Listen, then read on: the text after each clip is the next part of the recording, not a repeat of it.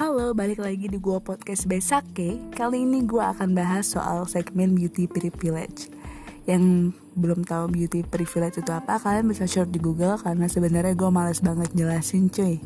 Karena panjang banget, jadi gue mau ngasih tahu dan ngasih sarannya aja buat kalian yang merasa kurang pede atau insecure rebel.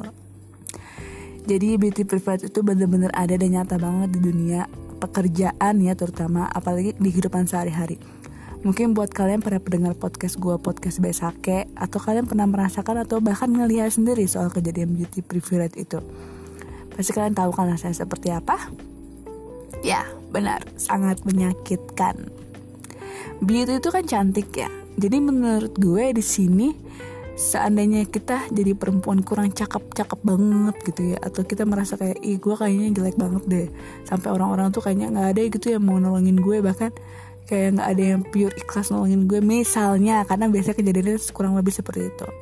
Jadi menurut gue ya saran gue lo minimal bisa sih cara pakai baju yang menarik maksudnya yang rapih ya. Lo bisa meet and match passion lo atau OTD lo.